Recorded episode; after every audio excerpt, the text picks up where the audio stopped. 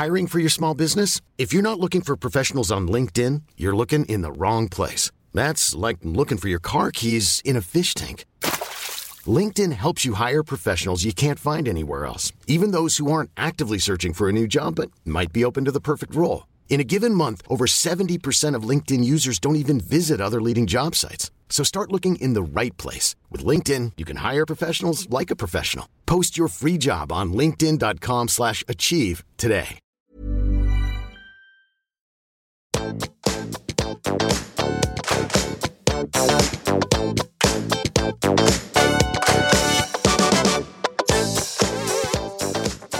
alle sammen, og velkommen tilbake til podkasten Karriereveiledning med Elaine.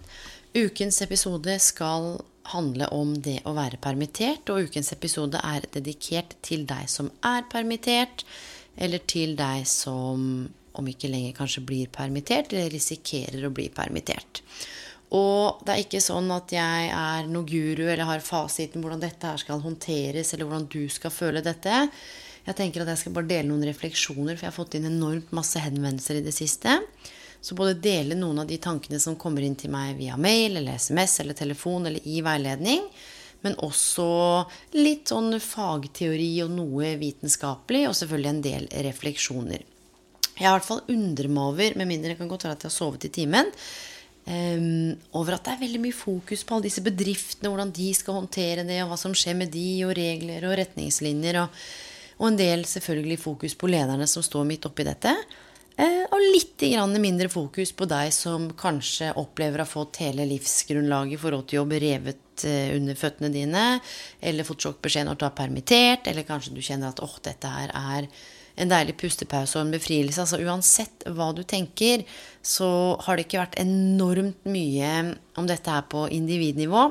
Så hele intensjonen med denne episoden er å forsøke å belyse dette her gjennom å ikke være flåsete, for det første, og ikke ha en sånn tre steg, for slik håndterer du det å være permittert. Det der greiene der for meg er så jævla bullshit.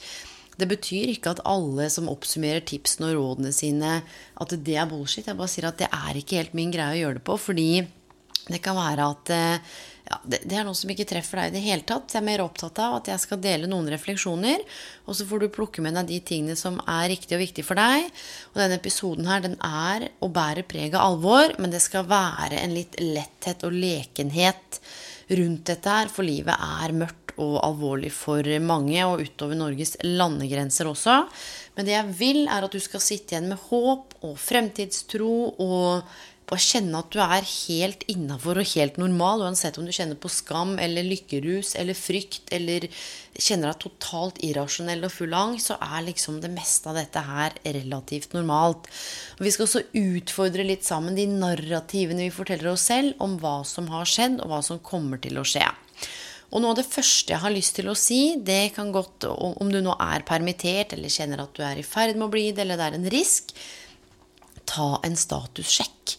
Det er jæskla deilig å numme og gjemme seg noen ganger og bare la den der regningsbunken samle seg opp og stikke huet i, i jorda og ikke måtte ta tak. Og sånn er det litt noen ganger også i relasjoner eller med livet at vi er litt redde noen ganger for å stille oss selv de vanskelige spørsmålene fordi vi frykter litt hva slags svar som skal dukke opp. Men en konkret ting eller en konkret modell jeg bare har lyst til å dele en ganske kjapp, som kan gjøres med penn og papir, eller hvis du er god til å tegne på Mac-en eller paden eller hva det er. Tegn opp en runding.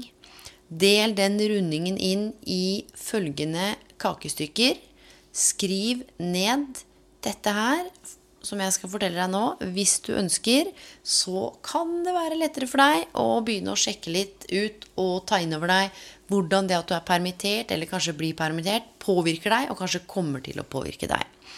Så i det kakestykket så skriver du familie, neste kakestykke skriver du jobb, så tar du økonomi, fysisk helse, psykisk helse, nære relasjoner, hobbyer, kanskje personlig utvikling eller et eller annet annet som er viktig for deg. Du kan skrive energinivå i den eh, kakestykket som står blankt, eller om det er to kakestykker som står blankt, så skriv energinivå. Du kan skrive ja, hva enn som opptar deg.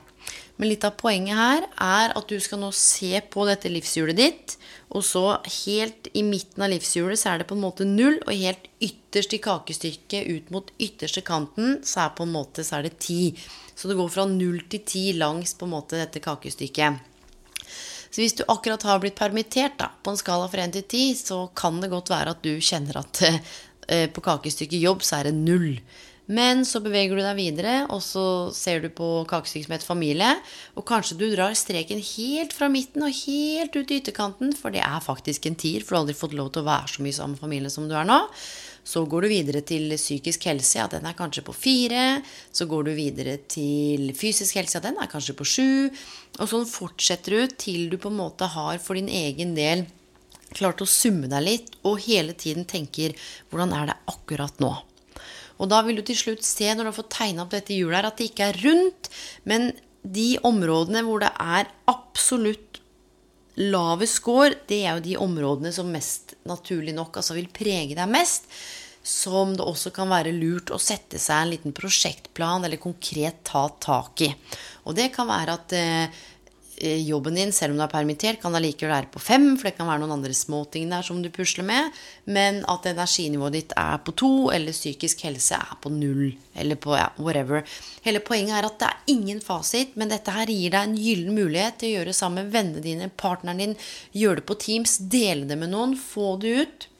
Eller om du gjør det alene, bare for å ta en liten statussjekk. Hvordan er det akkurat nå? Hvis du er bekymra for økonomien, ikke gjem deg. altså Sjekk det ut, stå i det. Hva er det du har av penger inn? Hvordan kommer det til å se ut? Hvor må du kutte forbruk? Hvis det handler om eh, fysisk helse, du sliter med ryggen, ok, hva kan du gjøre? Hvis det er kaos med barna og barnehage og hjemmeskole, lag en prosjektplan. Fordi hvis vi ser på livet og karriere som ulike prosjekter, så blir det litt lettere å håndtere. Og jeg skal si en ting, og nå veit jeg ikke helt om jeg kan hva skal jeg si, henvise til forskning og si at forsker bla, bla, bla sier dette. Men gjennom utrolig mange år i møte med utrolig mange forskjellige mennesker som har brukt disse ordene og sagt at de har opplevd det traumatisk å bli permittert. De har opplevd det traumatisk å miste jobben. De har opplevd det traumatisk å stå uten jobb. Og det er noe med å suge litt på den karamellen og tenke at ok, kanskje dette er en form for traume for deg som hører på, fordi det er jo noe med at vi tar jo med hele oss selv på jobben hver dag.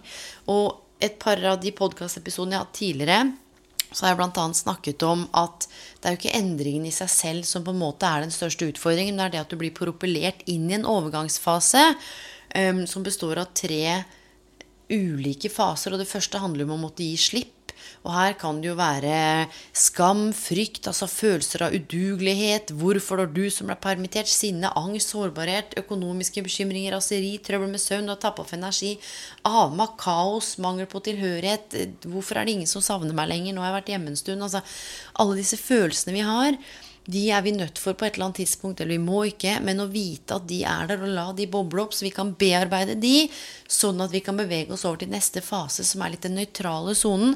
Vi er mellom det nye og mellom det gamle. Og her må vi passe på å sette små, konkrete delmål.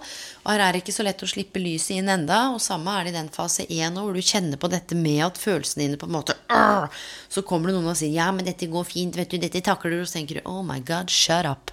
Det er det altså Noe av det viktigste handler om å bli møtt der du er.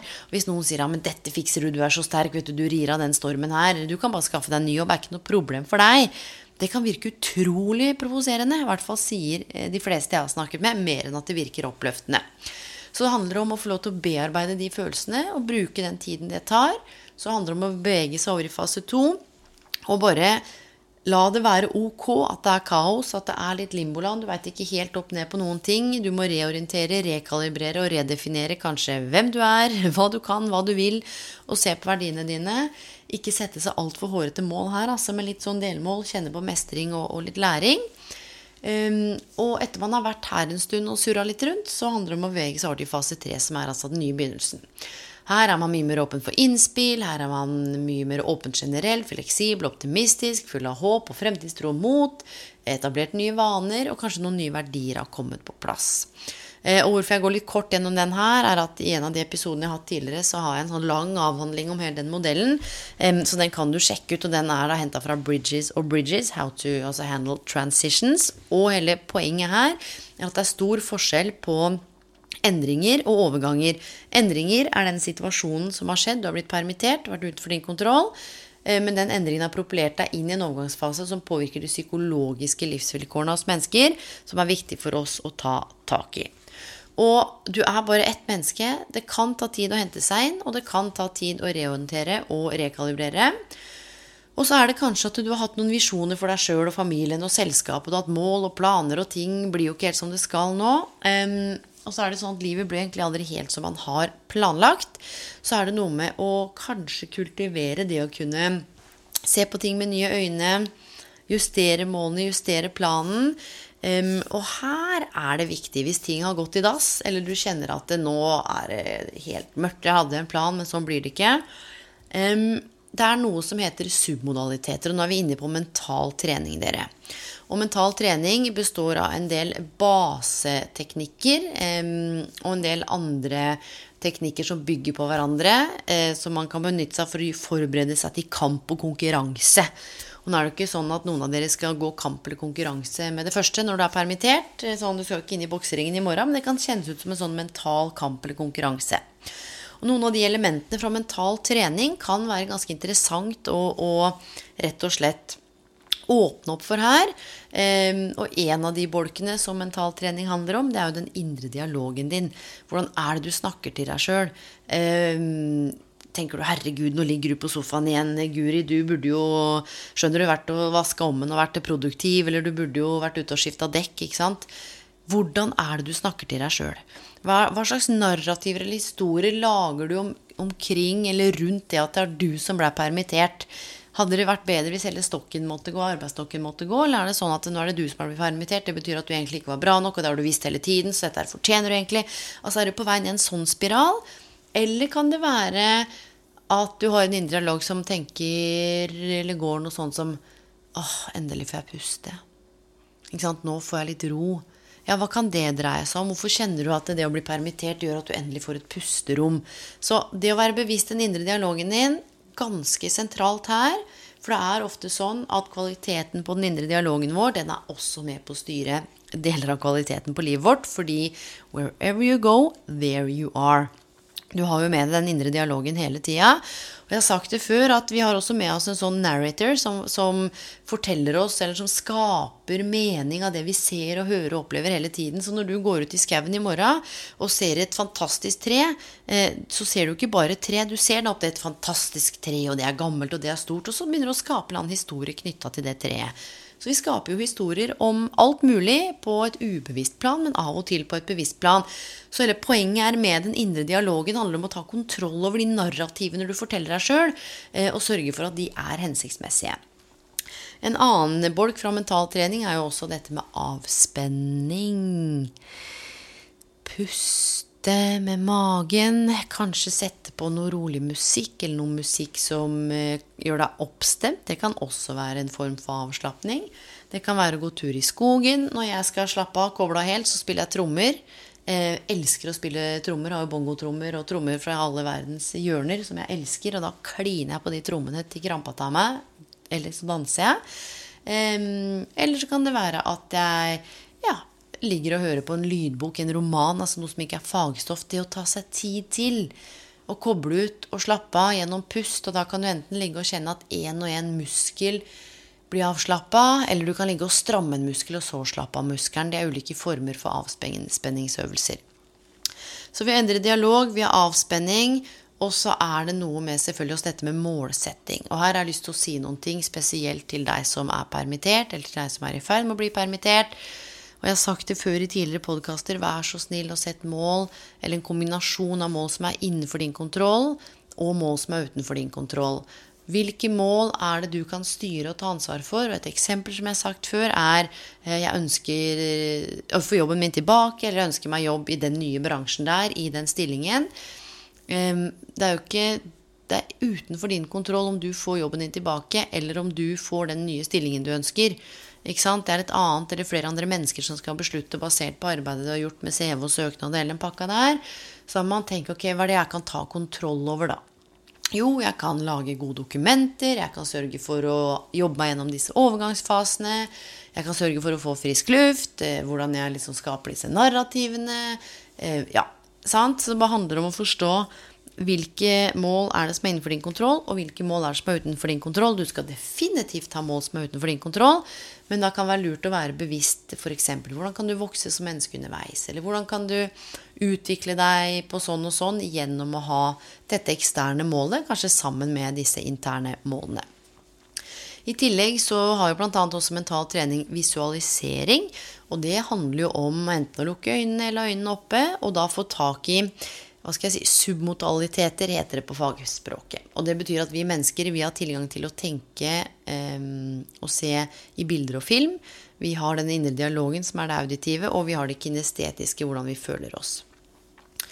Og så ser jeg for meg at jeg akkurat har blitt permittert nå, og alt er total kaos, og uten at jeg veit det, så ser jeg kanskje for meg eh, ja, uten at jeg vet det, da, så ser jeg, er jeg kanskje et halvt år eller et år frem i tid oppi hodet mitt og ser for meg at pengene tar slutt, og helsa skranter, og det er kaos i heimen. Og så kobler jeg på en innlag som bare Herregud, åssen skal dette gå? Det blir jo helt krise, vi har ikke mer penger.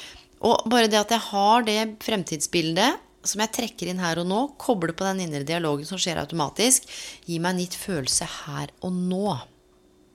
Så det er ikke sikkert at du kanskje har det superille akkurat her og nå, for nå er det penger på konto, og du veit at ok, nå er det litt tid på å skal ordne seg. Men hvis hodet får spinne helt ut av kontroll, og du på en måte ikke blir klar over det eller blir bevisst det, så er det noe med å forstå at de fremtidsbildene som du skaper, de videofilmene, hvis du krisemaksimerer, du vil automatisk og ubevisst trekke de inn i nåtid. De vil koble deg seg på en indre dialog som vil gi deg en gitt følelse. Og det er den følelsen du tar med deg i relasjonen din i hverdagen nå, til barna dine, til kollegaene dine. Og det er der man kan også kjenne sant, mye frustrasjon. Og hva er det som ofte skjer da? Jeg sier ikke bestandig, men dette har jeg jobba mye med i møte med andre. Sånn emotional discharge. Når du har det jævlig sjøl, uh, så må man bare få det ut et sted, og så går det utover folk som ikke fortjener det. Og det skal selvfølgelig være greit, men det er noe med å liksom ha et bevisst forhold til det. Eh, og det er mange andre elementer av mental trening. Jeg har gjort det tidlig. Jeg starta podkasten her. Ja, For en god stund tilbake så ligger det en episode på mental trening også. Men det var i hvert fall det jeg hadde veldig lyst til å trekke inn. Så går det an å lese mer om mentaltrening hvis du ønsker det. Men det er noe med det. Og når du har tegna opp livshjulet og delt det i syv eller åtte, så ser du på hver av de delene, og så oppretter du i hodet ditt eller på papir eller Mac-en prosjekt. Prosjekt økonomi, prosjekt jobb, prosjekt familie, prosjekt et eller annet. Og det trenger ikke være prosjekter på alt, men to, to tre, fire av de tingene som kanskje hadde lavest score.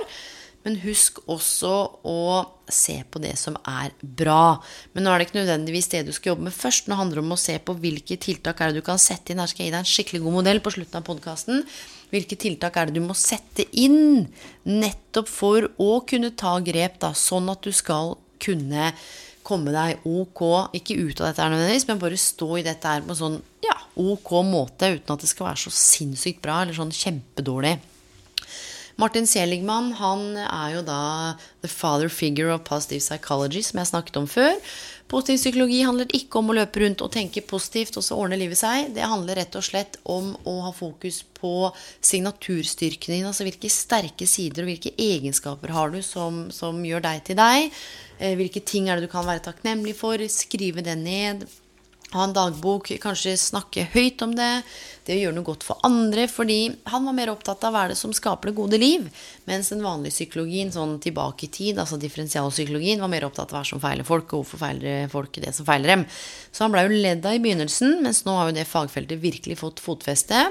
Og det handler ikke om å tenke positivt, men det handler om å rett og slett tenke etter og kjenne etter hva er det som gjør at livet er godt å leve da, midt i dette totale kaoset her som veldig, veldig mange står i. Så det å kanskje skrive en, en liten dagbok morgen og kveld, hvis du har tid, eller i hvert fall på kvelden, tre ting som du var takknemlig for i dag. Og jeg har snakka med folk, for jeg har jobba med mange som, som jeg har snakka om den øvelsen her. Altså, det er faen ikke en dritt å være takknemlig for. Jeg veit at jeg har barna mine og mannen min og bikkja. Folk er friske. Men jeg, klarer, jeg føler det ikke. Skjønner du? Jeg, jeg kjenner det rasjonelt, men litt sånn der sånn, følelsesmessig avstumpa nå, for det er så mye greier. Um, og da har jeg lyst til å si at bare fortsett å gjøre det. You're gonna feel it one day.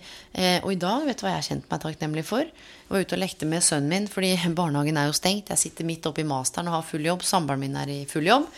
Eh, og vi kan jo ikke være sammen med noen eller møte noen. Eh, det var rett og slett bare å komme seg ut i frisk luft og være takknemlig for det. Eh, Istedenfor å tenke på at å shit, nå går jeg glipp av en time skole, og dette er helt krise. Så jeg bare ta det for det det er. ass. Um, og jeg tror at vi er så mye oppi hodene våre, og vi tenker så mye, vi overanalyserer, og vi styrer så fælt. Så det å klare å roe ned den der tjatta som sitter på toppen der noen ganger, og bare akseptere at det, sånn her er det nå. Og i hvert fall et konkret Nå skal jeg gi et konkret tips, det høres litt rart ut, men det som funker veldig godt for meg i dette her pandemigreiene, det er å bare ta én dag av gangen. Ikke tenke sånn nå skal jeg være hjemme en hel uke med sønnen min og med skole og med jobb. Og ja, jeg er veldig privilegert som er i arbeid. Um, nå driver jeg jo for meg selv, så eventuelt så må jeg liksom permittere meg sjøl. Men jeg har jo mange rundt meg som er permittert eller har mista jobbene sine. Um, så det er noe med å liksom prøve å ha fokus på det man har. Så kan du tenke sånn Skal du lage en podkast om det å være permittert, du som eh, jobber? Ja, det tenker jeg, for det er eh, krysninger veldig inne i dette som handler om karriereveiledning og karriereveiledningsfagfeltet. Og tenker at jeg deler som jeg sa, en kombinasjon av noe litteratur, noe empiri og ja, noen refleksjoner. Men når det er sagt, så er det jo noen ting da som kan være greit å tenke på litt sånn oppsummeringsvis. For jeg skal ikke kjede deg en time med den podkasten her, selv om jeg tenker at du egentlig ikke har kjeda deg til nå. Jeg tenker at eh, du sitter og tenker hun der er litt smågæren. Eh, prater på inn- og utpust, er veldig engasjert. Og så er det kanskje en eller to ting du kan ta med deg fra da, vet du. Og hvis du er i jobb, og dette ikke gjelder deg, ja, så del gjerne det her med noen andre. Fordi jeg har lyst til å starte en liten sånn movement nå. At nå må det være mer fokus på de psykologiske altså aspektene altså foregår med mennesker som blir permittert. Og det er fordi at jeg har sett dette her i ti år. Jeg har sett permisjon, jeg har sett sykemeldinger, jeg har sett eh, oppsigelser. Jeg har sett sorg, jeg har sett traumer. Jeg har ting som på en måte ikke har blitt satt ord på, for man skal bare forte seg til neste jobb eller bare håndtere og stå i ting. Det å bli permittert, det, det, kan, det kan kjennes ufattelig trist. Tap av tilhørighet, tap av relasjoner, tap av status, tap av det å gjøre noen ting, tap av å skape resultater, bidra med noe i tråd med verdiene dine.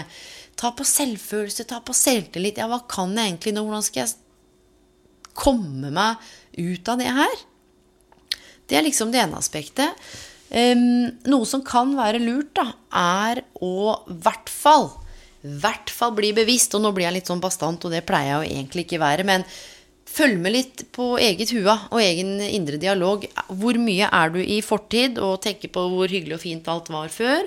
Og hvor mye er du i fremtid og tenker på hvor jævlig kjipt alt skal bli? Og hvor mye er du egentlig her og nå? For det er jo her og nå du skal ta beslutningene dine. og den fremtiden du ønsker nå, mens du står midt oppi dette her, den er avhengig av de skrittene du tar nå, her og nå. Hva du gjør etter å ha hørt på den podkasten her, om det er å ta deg ti minutter frisk luft, så er det bra for lunge, hjerte, hode og alt mulig. Handler om eh, kanskje litt hva du spiser, at du spiser noe godt og litt junk, men putter i deg noe næringsrikt som kroppen og hodet trenger. Få i deg litt vann. Bry deg om andre. Og det kan være litt sånn Herregud, jeg har jo nok å meg sjøl. Skal jeg bry meg om andre? Send en hyggelig melding. Send en emoji. Altså, kanskje skap noe glede for en annen person.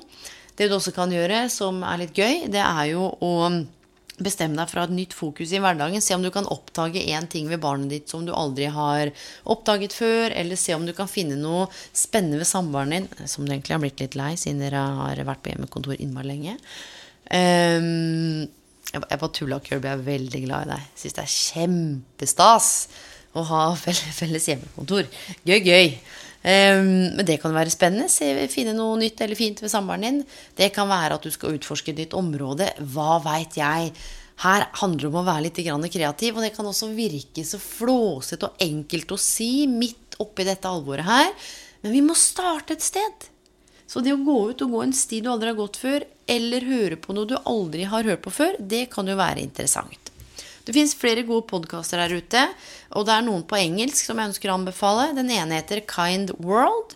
Den andre heter Faith in Humanity. Den tredje heter Happiness Lab. Og her i Norge så tenker jeg du kan høre på Pia og psyken. Og så er det en podkast som heter Sånn er du.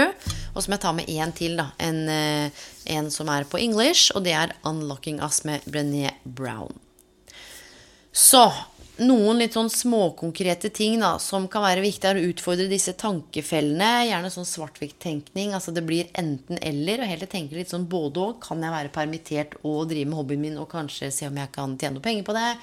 Kan jeg ha halvveis hjemmekontor og finne på noe annet? For jeg er sånn delvis permittert. Altså prøv å tenke litt både og. Begynn å tenke på hva har du av overførbar kompetanse? Hva er det du har jobba med? Hva er unikt for de arbeidsoppgavene du har gjort, eller det ansvaret du har hatt? Se om du kan få opp eh, brøsja opp LinkedIn-profilen din. Um, der kan det være greit å ha en sånn liten oppsummering, nøkkelkompetanse. F.eks. hva har du av utdanning, hva har du av arbeidserfaring, viktige verdier, egenskaper, interesser. Altså bare for din egen del.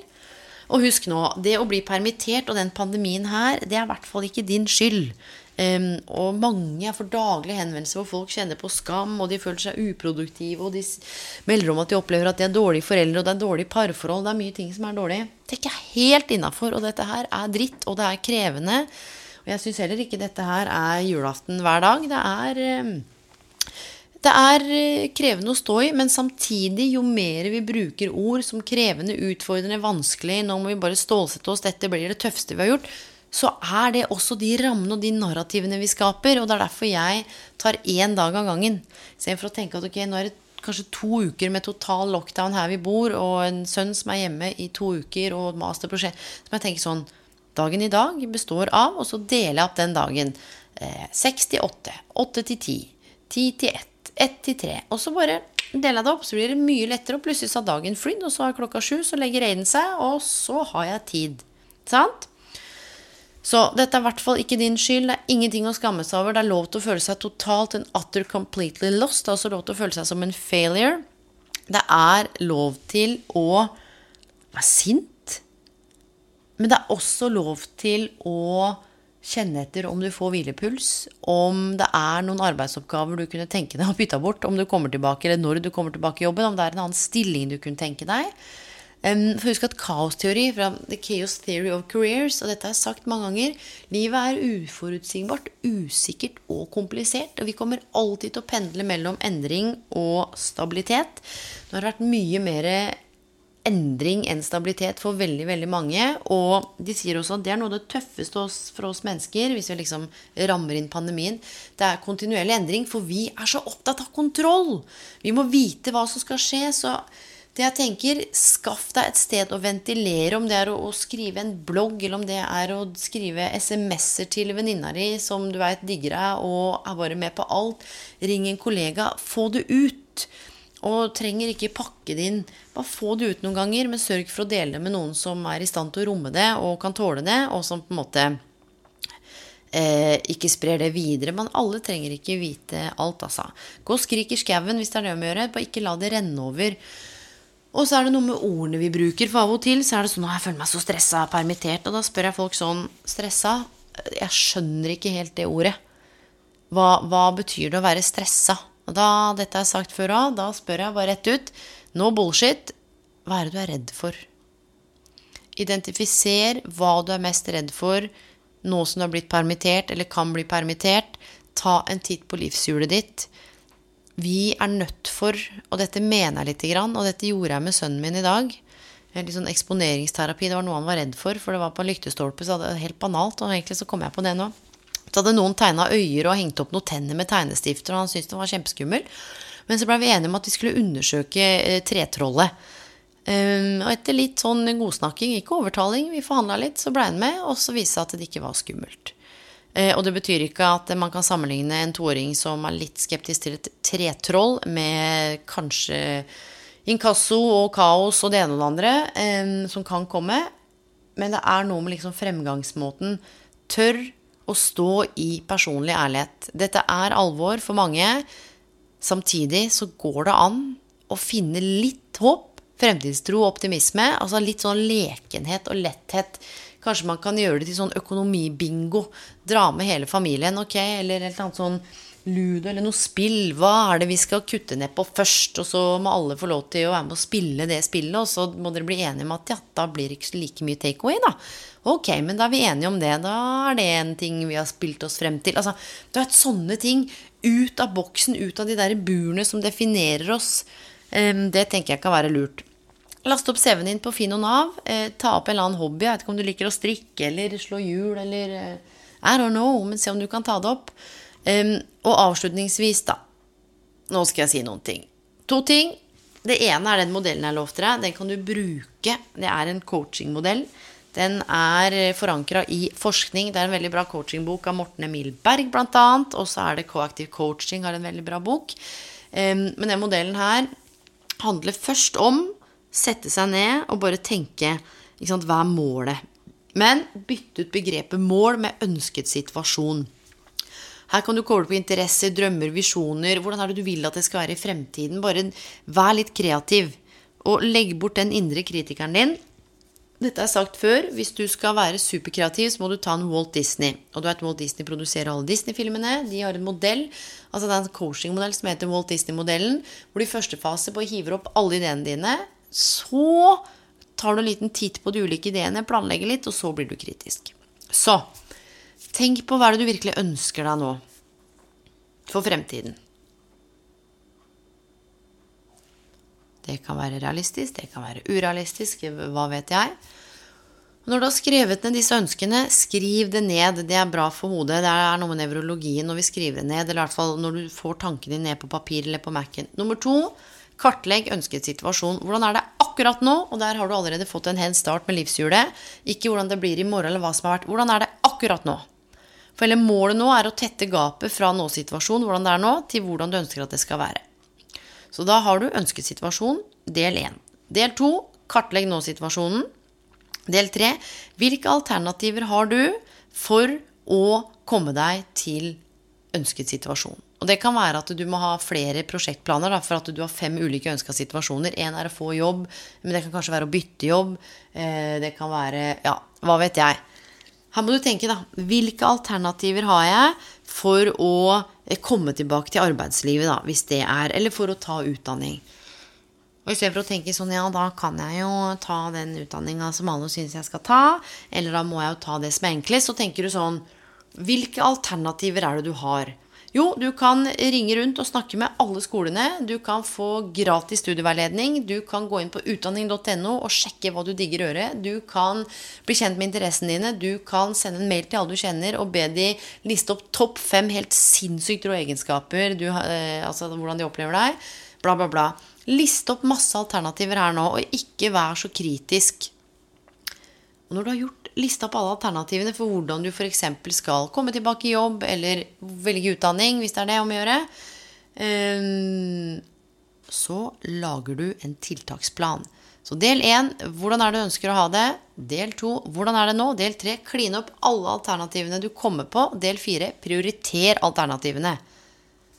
Del én er kanskje å ringe Universitetet i Oslo, for det er der du så et annet spennende studie, og snakke med karrieresenteret der, eller få tak i en studieveileder, eller hva enn. Nummer to eller kanskje før du gjør det, så er det greit å ha noen spørsmål, da. Og kanskje før det igjen så har du sjekka ut studiet på utdanning.no. Skjønner du?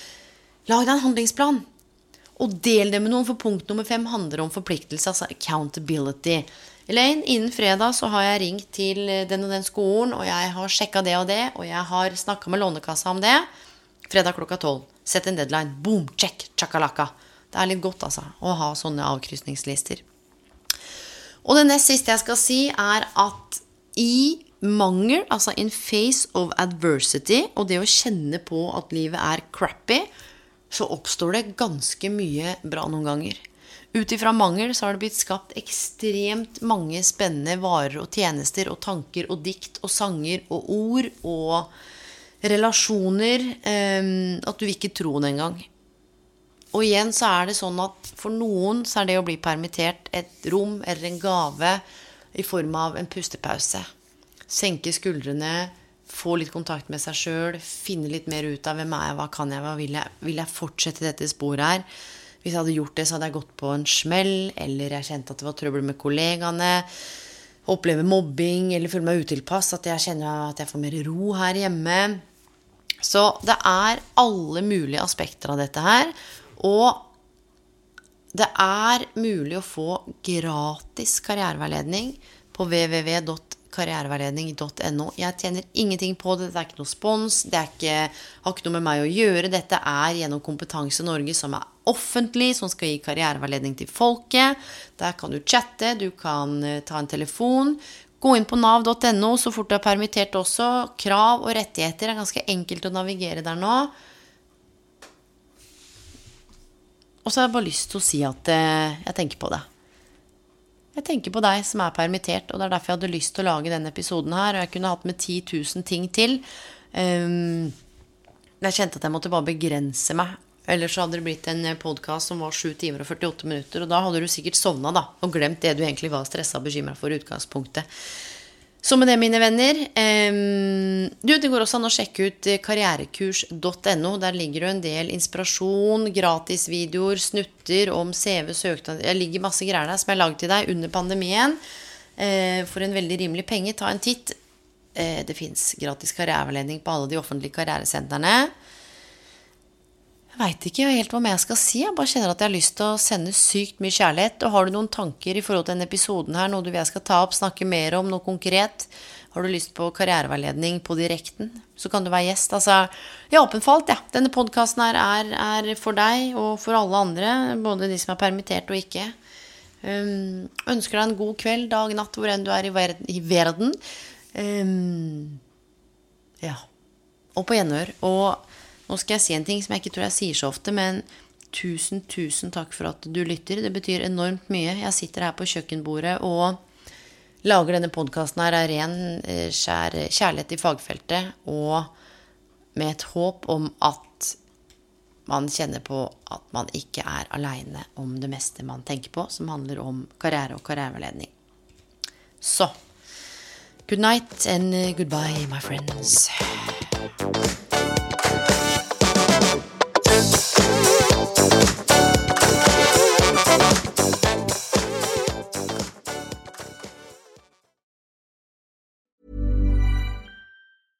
Ever catch yourself eating the same flavorless dinner three days in a row? Dreaming of something better? Well, HelloFresh is your guilt-free dream come true, baby. It's me, Kiki Palmer. Let's wake up those taste buds with hot, juicy pecan-crusted chicken or garlic butter shrimp scampi. Mm. Hello Fresh. Stop dreaming of all the delicious possibilities and dig in at HelloFresh.com. Let's get this dinner party started. My business used to be weighed down by the complexities of in person payments. Then, Tap to Pay on iPhone and Stripe came along and changed everything. With Tap to Pay on iPhone and Stripe, I streamlined my payment process effortlessly. Now I can accept in person, contactless payments right from my iPhone. No extra hardware required. What's truly remarkable is how I can cater to all of my customers' payment preferences. Whether they're using cards, Apple Pay, or other digital wallets, Tap to Pay on iPhone and Stripe ensure a smooth checkout experience every time. And it's not just me. Stripe helps businesses of all sizes, from local markets to global retailers, scale quickly and stay agile. To learn how Tap to Pay on iPhone and Stripe can help grow your revenue and reach, visit stripe.com/tapiphone.